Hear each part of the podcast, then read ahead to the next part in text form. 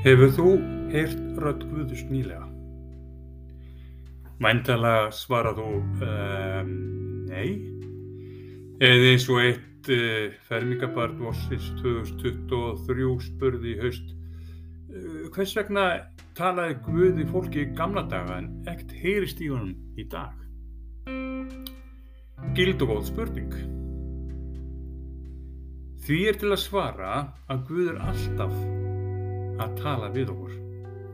Spurningin er, heyrum við í honum? En hvernig heyrum við röst Guðs?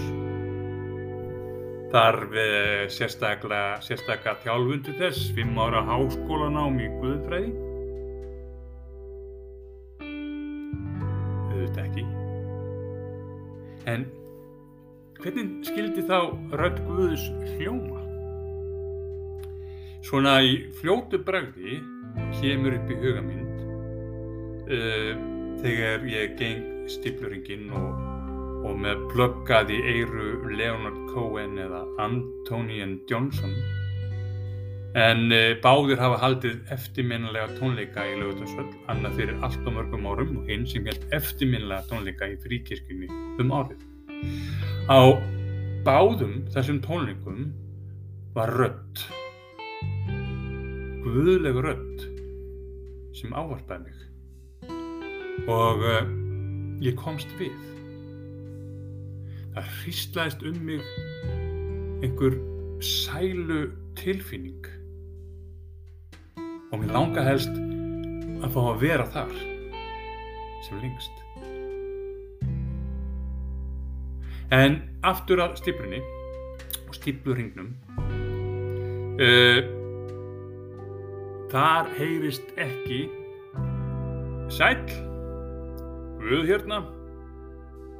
Afsakaðu mig ég tröfliði á gungunni Guð er nefnilega kurtis Hann verður að segja hvaða og, og hvernig ég eiga lifa lífinu. Er það? spurði fermingabarnið opiminn Nei, sagði ég, auðvitað gerist ekki þannig. Hvernig þá? spurði fermingabagnið. Er hægt að fá svar við því að mannamáli kann einhver að spyrja og öðrum getur ekki verið meira sama?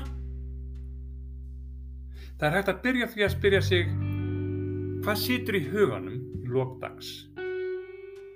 Kanski fátt eða ekkert sem uh, skiptir máli. Og kannski ertu ekkert að velta því fyrir þér uh, svona á degi hverjum það er bara nóg annað að hugsa. Fyrir nokkrum árum síðan sá ég heimildamind sem heitir Skuggarbörn og þar skinnjaði það þess að þrá að uh, fara eitthvað annað og vera eitthvað annað það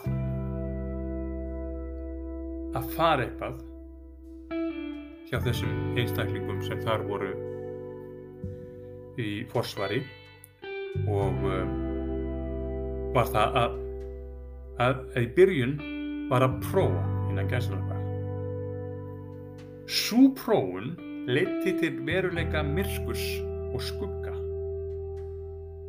Manneskjöldnar voru aftur göngur af sjálfur sér sem skuggamynd á sléttu og feldu yfirborðs samfélagsokkar. Veröldin sem skilur mitt í þessa heima eins og þund léreft sem sést í gegnum ef sólaljós fellur á. Við vitum að þessari skuggaverund en uh, viljum ekki að að komi rifa á milli þessa veruleika þess að tvekja heima. Við gerum það ekki því við erum óttaslegin. Orðin sem þar voru sjóð boruðu sig inn í hugan og komið sér óþægilega fyrir Þetta voru ekki skuggaförn. Þetta voru manneskur sem vildu ekkert heitara en að lifa innan gæsilappa venjulegu lífi. Það sem var var löngu horfið í myrkur. Orðin voru sögð og þeim var trúað því við ekki var hlusta á sinn innri mannesku sem veit betur því Guð tala til sérkvörs okkar fyrir tungu sem við skiljum.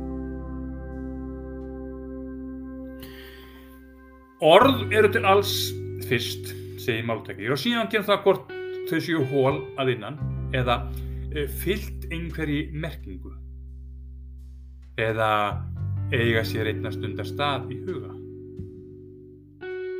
Svo er því miður allt og oft að orð sem sögðu eru eiga sér ekki innistæðu.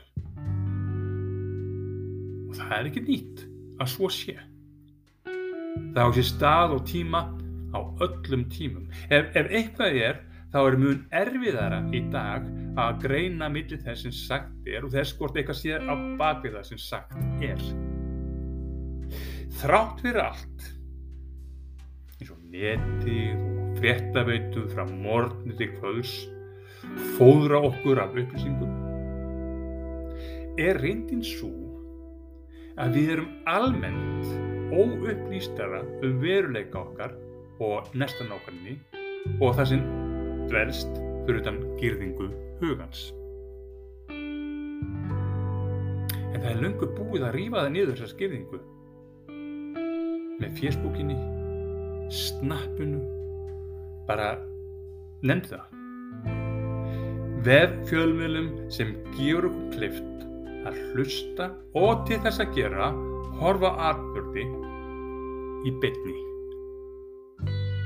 áður en við snúum okkur að einhverju öðru.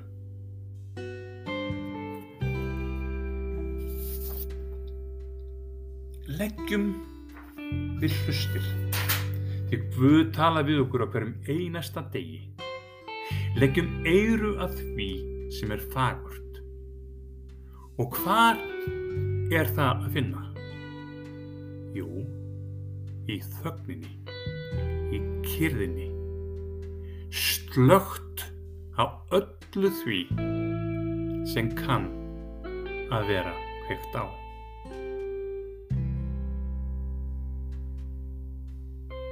Þá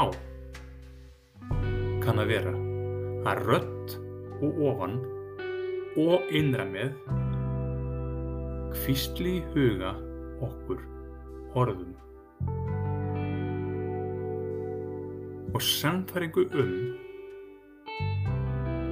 að við erum aldrei einn. Hvort heldur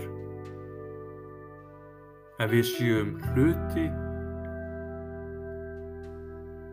af fjölmönnum hópi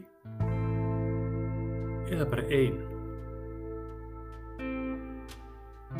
þá er hann næri.